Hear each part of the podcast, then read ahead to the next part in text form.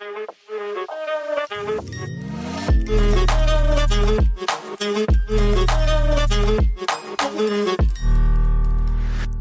kommer det nu att eh, bli ett samtal här på engelska eh, och eh, det handlar om eh, betydelsen av nedväxt för klimatomställningen. Och eh, ni ska få presentera er själva här. Eh, Um, so I switch now to English. Uh, now we will have the talk. Uh, the uh, ha glasögon. yeah, so uh, it's the degrowth importance for climate change. Uh, and uh, yeah, you, you will introduce yourself.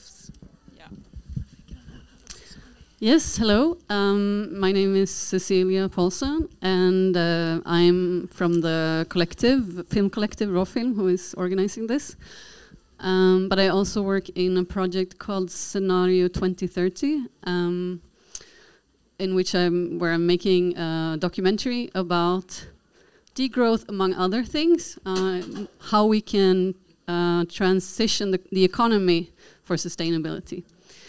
And um, today we are going to to talk about degrowth and but also about a not-for-profit economy and also what are the unions' role in in the climate transition and how can they work towards degrowth and how can we together work um, and uh, build coali coali coalitions.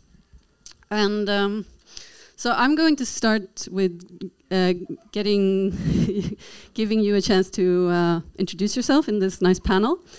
Um, so in today we have Jennifer Hinton here, who's a researcher and ecological economist, uh, who's for the, mo the moment working uh, in for Lund University. And then we have Chaim de, de, de Mulder. Sorry um, who is uh, representing the Institute for Degrowth Studies here in Malmö. And then we have Ulf Jarnefjord, who is uh, representing Trade Unions for Energy Democracy. And with us on link from, uh, from Brazil today, we have uh, uh, Catarina uh, Silveira from Union to Union. So I'm going to give the mic to you to get you a little a little presentation from each of you. It's better if you go before me, uh, okay.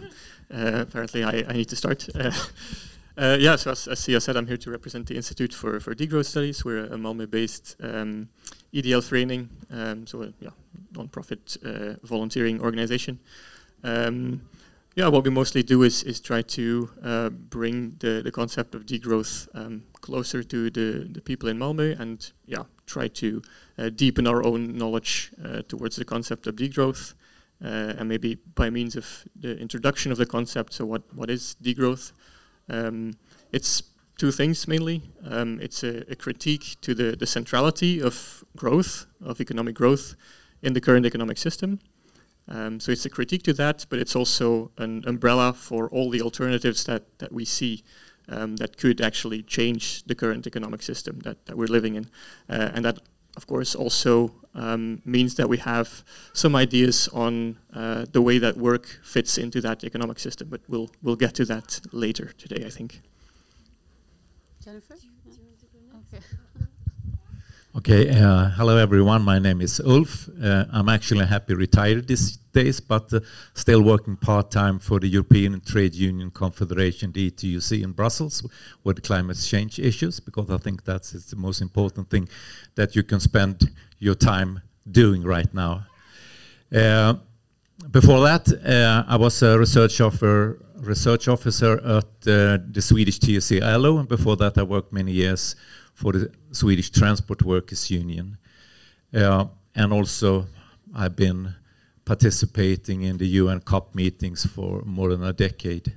But here I'm uh, representing something called the Trade Unions for Energy Democracy, which is a global trade union community and network for energy democracy, democracy something that is very topical now, even in Sweden, just for some months ago, nobody bothers about that, but times are changing, as Bob Dylan says, sings. Uh, Trade Unions for Energy Democracy is a platform for trade unions from all sectors and countries to debate and develop and promote real solutions for the climate crisis, land grabs and energy poverty, pollution generated by fossil fuels. And we advocate for solutions that can build stronger unions, work in community power, and enhance social and environment justice. And we also advocate for a global public goods approach and a new global multilateralism. And today, I think we are around 100 uh, trade unions uh, in 25 countries. Uh, the majority of them is from the global south. Thank you. Yeah, should I go next? Okay, uh, so my name is Jennifer Hinton, and I am a sustainability research a researcher at Lund University right now. Um, for the last 10 years or more, I've been working on the problem of how can we and how must we reorganize the economy so that it works for people and planet rather than people and planet serving profit and GDP. Um, and so you can see how this aligns with the degrowth idea that Chaim just talked about earlier. Um, and this sort of uh, exploration has led me to focus on the role of business structures, which sounds really boring, but business structures are central to how we have to change the economy for sustainability. Right now, we have a for profit economy. The global economy is made up mostly of for profit businesses, which are structured to deliver profit to investors and business owners. That's what our economy is set up to do. It's set up to make, to enrich investors and business owners. And that's why it drives the uh, exploitation of workers, wage suppression, inequality, and environmental degradation all at the same time. So, this is a common driver of environmental and social problems. Um, luckily, we don't have to have a for profit economy. There are lots of different kinds of businesses, um, specifically not for profit types of businesses, which include consumer cooperatives, state owned businesses, lots of different kinds. Um, and those are set up to deliver social benefit, to solve social and environmental problems. So we can transition our economy to be completely not for profit um, and get away from the systemic features of a for profit economy and have the, the economy working for people and planet instead of for private profit and GDP growth. So that's what I've been looking at. Um, yeah, thank you. Um, so this is uh, we are going to get into the question of well, so how do these things relate? The climate crisis, uh, the degrowth, and and the unions. Because sometimes we feel like, oh, but the unions they only work for, you know, uh, higher wages or you know, the um, how how things are at the at your job, but but we think that uh, the unions can play a really important role in the in the transition to actually make it uh, like a fair and, and, just transition. So we're going to get into that that topic, um, and uh, yeah, maybe we can just start with with you, Ulf. Like how. what are your ideas of like what the union's role is in in making the the climate transition as fair as possible? Yeah, to start with, uh, I want want to be quite candid about uh, that trade unions in general, particularly not in Sweden, haven't discussed anything about degrowth so far as as far as I know. Uh, but things are even changing here in, in the trade unions. Uh, actually, my colleagues at the, uh, our research institute in, in, in Europe, the the European Trade Unions Institute. It's actually in the beginning of December. So invited us all to, uh, I think it's the first seminar, a two-day seminar to actually discuss degrowth and the trade unions. Uh, so I think things are, are moving uh, at least a, a, little bit forward. Uh, but but of course, I mean, just in general, uh, first of all, I, it's ab absolutely clear that we are in a, in a state of planetary emergency and time is running out and, and to solve serious uh, losses of biodiversity and prevent catastrophic uh, climate change. I mean, that's it is ob obvious, and that is also correlated to to show social problems and misery and human suffering, of, of course. Uh, and my, my, my own view of this, and a lot of my colleagues also in, in the trade unions for energy democracy, is that we don't believe that this current economic system, uh, which is capitalism, right, uh, is capable of, of, handling this multiple crisis that we are facing right now. So capitalism is totally dependent of uh, couple of things. One is the GDP and perpetual growth, and uh, accumulation of, of capital and profit. And what is more, and this is really something also I want to stress, growth of the global north uh, relies on a large and uh, net appropriation of um, from the global south. This is draining the poor countries uh, of both resources, energy, land necessary for their own uh, development. So, in that view, um, growth and, economic necessity is something that we have to change fundamentally, and we need a more transformative change. So we can maybe discuss a little bit later. Thank you. Yeah. Um, so I think uh, one example that we were talking about uh, before you told me about this, uh, it was called the Lucas Plan that was uh, in uh, in England in the 70s, um, where the workers of um, this uh, big company that were working, they were doing, they were working in the arms industry and the, the, government said, "Oh, we're gonna we're gonna have less. Uh, we're we're gonna they we're going to get a lot of people unemployed because they, they, wanted to produce less arms." But then the workers decided to like make make an, their own business plan of how they could actually start producing things that were uh, beneficial for society instead uh, at this same and so they would still have their job security. And i think this is like a key point also in the in the fair transition. Like the, the unions could play a, a, huge role in making sure that the, wor the workers for instance in a coal factory don't just get um, uh, unemployed but maybe can get some kind of education and maybe get another job.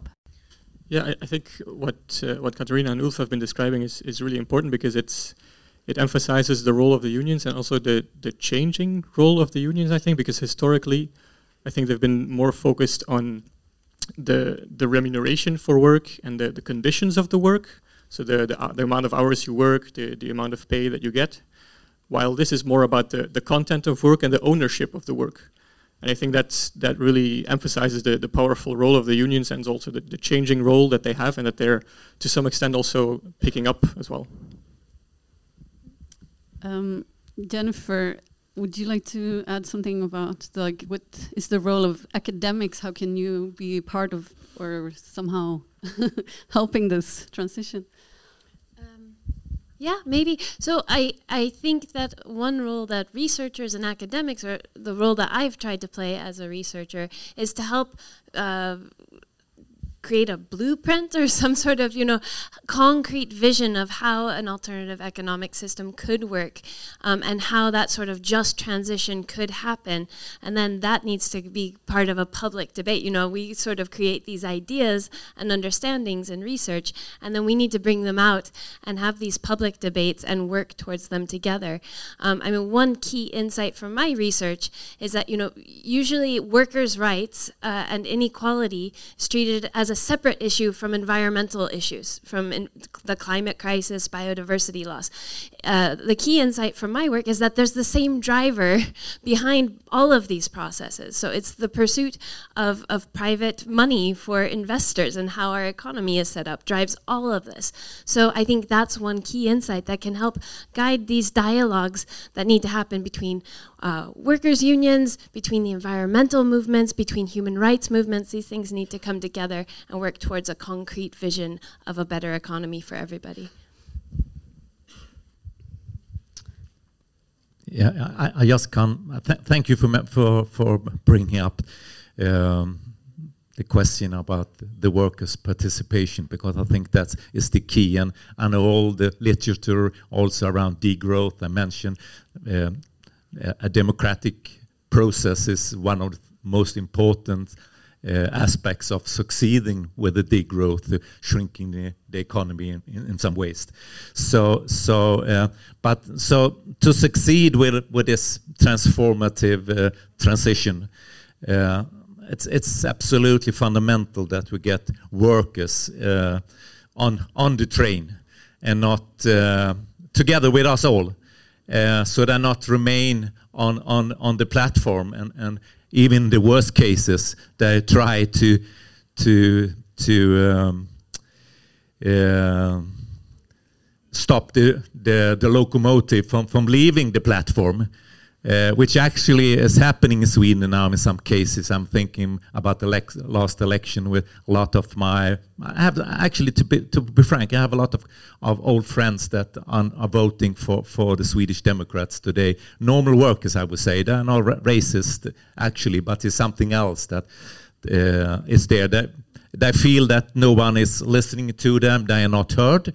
So that's why I really want to emphasize the importance of involving workers in this transition. And a good example of that was the thing about the Lucas industry. This was in the middle of, of the 70s, where um, both shop stewards, uh, white collar workers, uh, blue collar workers, engineers in this arms and weapon industry of Lucas Aerospace came together and said we have to produce something that it's more sustainable, both for ourselves but for the society. That this was in the middle of the 70s. But what's happened now, and I met them all in Glasgow actually last year during the COP meeting. They are most of them are actually older than me these days, but they are still going strong.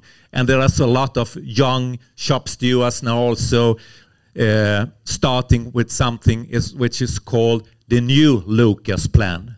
So the whole idea about bringing in all the knowledge from the workers in this transformative change is now up to, to a debate in, in the UK.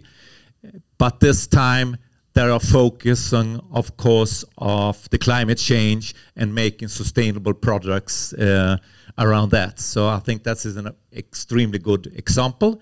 And maybe if it's time I can later on also mention another good example that also I have.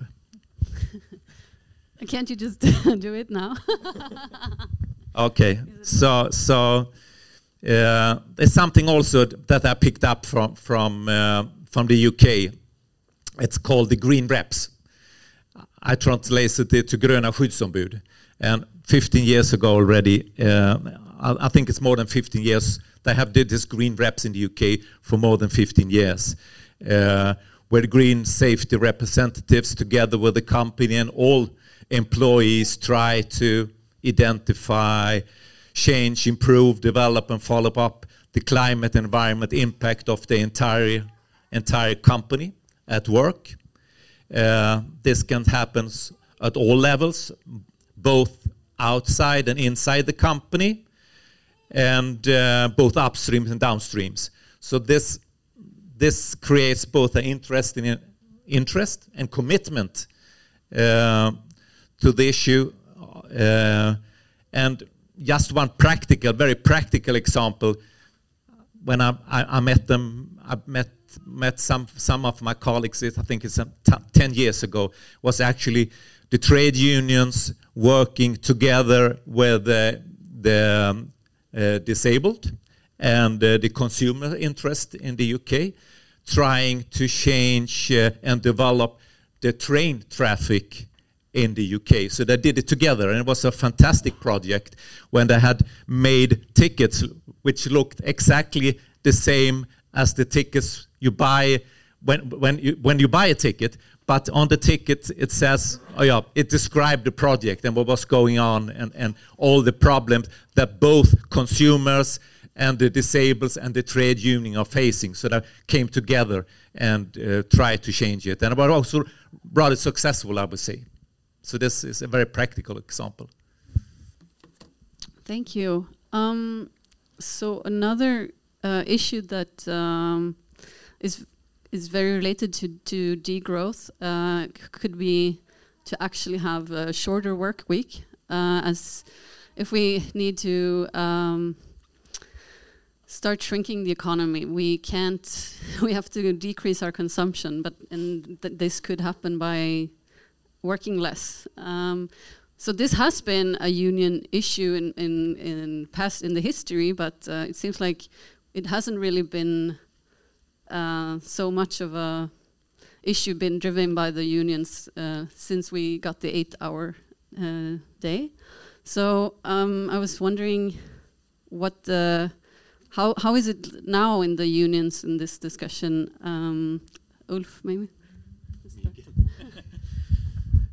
Yeah, it's been the elephant in the room as degrowth, I would say, uh, and, and, that's, I mean, it's it, it, it's really difficult to understand if you look, as you said, into the history what's happened. I mean, it's been more than 100 years of eight working hours day right now, and and but what is what is actually is fantastic uh, is that. Uh, uh, the members themselves, the workers themselves, uh, are, are understands this that that really this is, could be something for them. And the Transport Workers Union, which I used to work for, I think this was in 2012 and 2017. During our congresses, I had a motion about the six hours working day, and uh, uh this motion was uh, actually carried by a majority of the members of the Congress, despite that the leadership of the Transport Workers Union said no to this. So I'm very happy that, for that. And 2017, because there is one thing to say something in, and I have a you know a decision on a Congress, but the, the most the, the biggest problem is to implement it. And so, I, 2017, which was my last uh, Congress before I retired, uh, I actually brought it up again. And uh, so now, uh, and, um, and and this new motion was also carried on uh, with some uh, words added to it that the transport workers should now forcefully work for six hours working days. So, and I notice now because uh, I can see it that it's ac actually up to a debate even at the leadership of, of the trade union these days. So things are slowly changing. Yeah, and I, I, uh, I think you talked about it as well in the conversation that we had before. You mentioned uh, is also like one of the most or one of the, the more progressive unions in, in Sweden, and I was I was going through their uh, booklet that I got at home, um, and apparently, in their their general assembly in September, it was I think this year, they also decided that they they would really uh, like to push for a 13 hour, a 30 hours uh, working week. So they they want to make that one of their main topics. Yeah. Um, do you see anything, in, uh, Jennifer, in like not-for-profit uh, companies? Do they like have a tendency to implement shorter work week, or is it just uh, is it different? Thanks. Uh, no, I don't. I can't say that I've read any data where there's any significant difference with not-for-profit companies. But what I would like to speak to is uh, what uh, what was just said about the care economy and undervalued care work and unpaid care work. I think it's a very big problem, and it's something that degrowth really takes to the center as a concern. And I think I would argue that it's really very difficult, if not impossible, to uh, bring that to the center of a for-profit capitalist economy. So we have to, I think, really tie this to alternatives to capitalism, to uh, alternative economic systems. If we want to actually achieve these goals, it requires this whole systemic transformation. Um, because the reason care work is underpaid is because it doesn't make investors more money you know you're never going to make investors a lot of money by taking care of elderly and sick people and so i mean i think you know we just have to reorient the entire economy around different goals around things that really matter like quality of life social well-being and the a safe environment for us all. So I think that's really the the message I would say is you know let's work towards a systemic vision of transformation, um, and you know of course we're going to have to take these incremental changes and these smaller policy changes and push for, but we have to tie those to a systemic transformation. Um, yeah, I just wanted to also uh, connect to the about the degrowth how. Um, when we're talking about degrowth, it's a lot of the time we're actually we mean what we mean is to have degrowth in the global north in order to still be able to have growth in the global south, as it's a it's a global solidarity issue, and I think. Uh, the unions used to be also more talking about a lot about global solidarity, but I feel like we have gotten more and more national in our like uh, in our focus um, lately. So we we need to think about workers in the in the global south as well that need to still uh, grow their economies to to be able to do this transition. Yeah. Just something really quick on that topic because I don't think it's all just about degrowth and growth. I think there's a really important issue here which speaks to the trade union movement about distribution and the need for redistribution. And when we bring in the global south, we bring in history of colonialism and exploitation. Um, and that's why a lot of low income, income communities are still trapped in poverty. It's because the high income communities now have benefited historically from that exploitation. So we can't talk about a just transition without talking about redistribution and reparations, I think. Um, so that's another part of the systemic transformation and a just transition. Mm-hmm. Yeah, so um, now I want to get into like what uh, going forward, like what um, what are the challenges that we we see in in getting like so we see that there are some unions talking about these issues, but it's still on a very beginning kind of. Uh, yeah, it's just just in the beginning, and also that uh, there has been talk, uh, like since like last year, I was at the panel in this room about uh, how the unions and the climate movement should get closer together. But I haven't really seen that happen, and I think that's uh, it comes needs to come from both sides. I think, but like um, so what are the challenges and uh, to get the unions in, in Sweden to, to work with these issues? Um, maybe Ulf?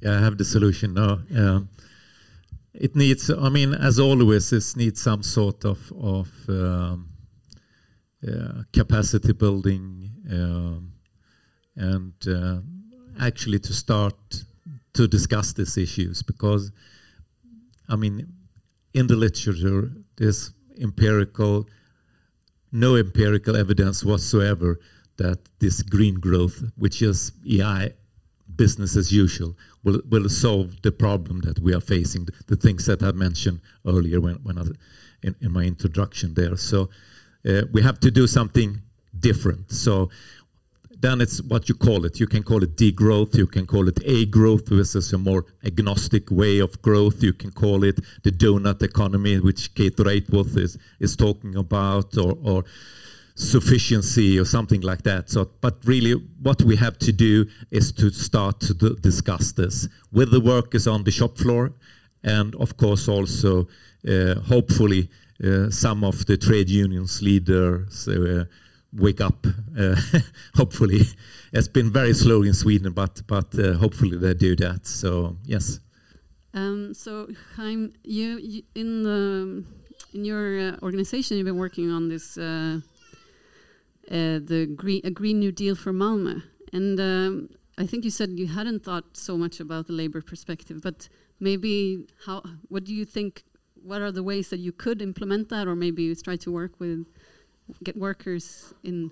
yeah, and that it, it, actually ties to something that I, I wanted to comment on, on what Catarina said. It's the, the way that unions have indeed evolved into something kind of bigger where you sit down and negotiate and they the the grassroots element has sometimes disappeared a bit. And I think it, it would be it would be cool to see some more uh, grassroots or, or, examples like the um, the Lucas uh, experiment and, and other examples that, that exist around the world. Like there's the the Green Deal for Gatwick, I think, where it's it's mostly um, um, aviation sector employees that um, are also thinking about how to um, how to establish a, just transition, um, like those movements that really come from the workers themselves. And I think that's also something that, that we might um, take a closer look at in, the, in our in our project. So the, the People's Green New Deal from Malmo to, to, to reach out to, um, in first instance, like the, the, the, local unions and ask them if they have uh, specific cases where they see, okay, this this is a real uh, a real this is really a sector where we will need uh, a just transition approach uh, within Malmö or within Skåne, and that we can, um, I don't know, take a, a, more specific approach there and, and create an example in that way, um, and yeah, in that way, like work both from top to bottom, but also from from bottom to top. Uh, Jennifer. Um, yeah, do you do you want to say anything? I don't have a specific question right now. No, just that I think today is a good example of a, a, first step, and there are lots of steps being taken, like Catarina mentioned in Sweden. So just having these dialogues and bringing degrowth and workers' unions and environmental organizations together to hold the space and hold these discussions about how can we work together for a desired future that will be better for all of us. I think that's really important. So Good job organizing today. yeah, absolutely. Uh, I agree with that, and, and I, I, really also agree with this bottom up because I, I think that's uh, uh, extremely important. And and and what Catarina said, I mean, I think I see things are changing, but in the trade union movement in Sweden, uh, and and yes, I mean the trade unions in Sweden has been so so successful. You, you know the history and and but also makes them inst institutionalized. So it takes it seems like it takes longer time for them to, to change. But when they're changing, maybe it's like the ketchup effect, or something like that. I don't know, but and and but the last thing that I really want to, to stress is, is, about just transition. I have to say something of that because just transition was a, is a word that everybody used use today. It's some sort of mainstream word, more or less. Uh, but I really want to emphasize that a, a just transition is first and foremost a rapid and radical transition. Uh, and my colleagues in, in trade unions for energy democracy, we are saying no transition with no just transition without a transition. so um, yeah, I think that will be my last words here. yeah, thank you. Thank you. And we actually have two minutes, so uh, if anybody wants to uh, say something more on this topic. Thank you. I would like to ask if you have any examples of uh, companies or profit um, doing already the transition for non-profit? Well, I mean, the most high profile one is just last month, Patagonia, the clothing company, transitioned from for profit to not for profit structure. And the reason they did that was they think that that will allow them to be more sustainable in their strategy and governance, maybe bring workers into governance processes.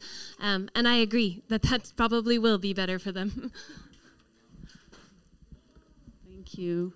And yeah, yeah, I think we have time for that. It's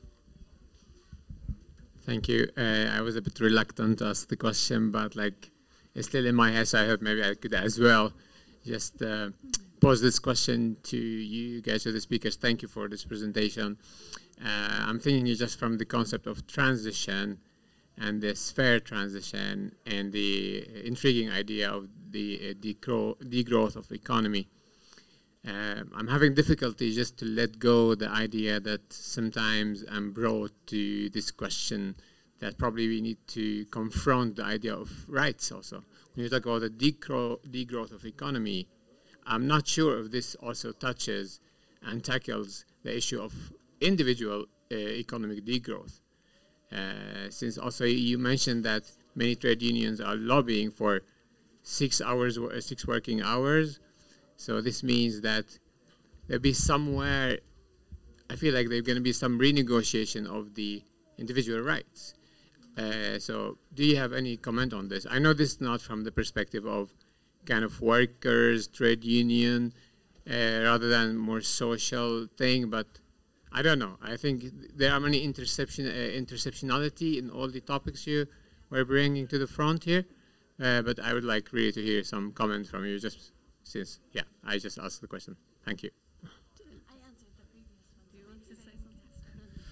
Yeah, thank, thanks. Thanks for the question. It's a, it's a really, really good and, and interesting one. I think from the, the perspective of the of the degrowth movement, it's definitely not the idea to um, limit the majority of the people in their freedoms. Um, what the movement does question is: should you have the free the freedom to buy a luxury yacht, for example?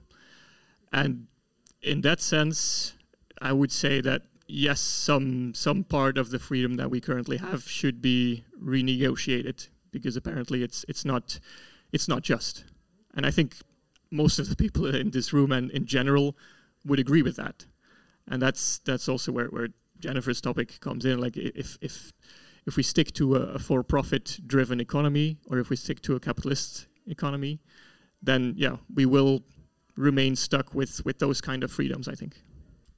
Yeah, so we we have uh, gone over about only two minutes, but I think it's good to have a break for everyone. So uh, thank you for this uh, discussion, and you can come up and ask us questions afterwards in, instead also.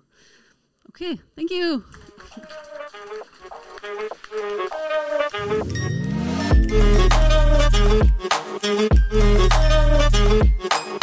Du har lyssnat på podden Rörelse, en podcast av ABF Malmö.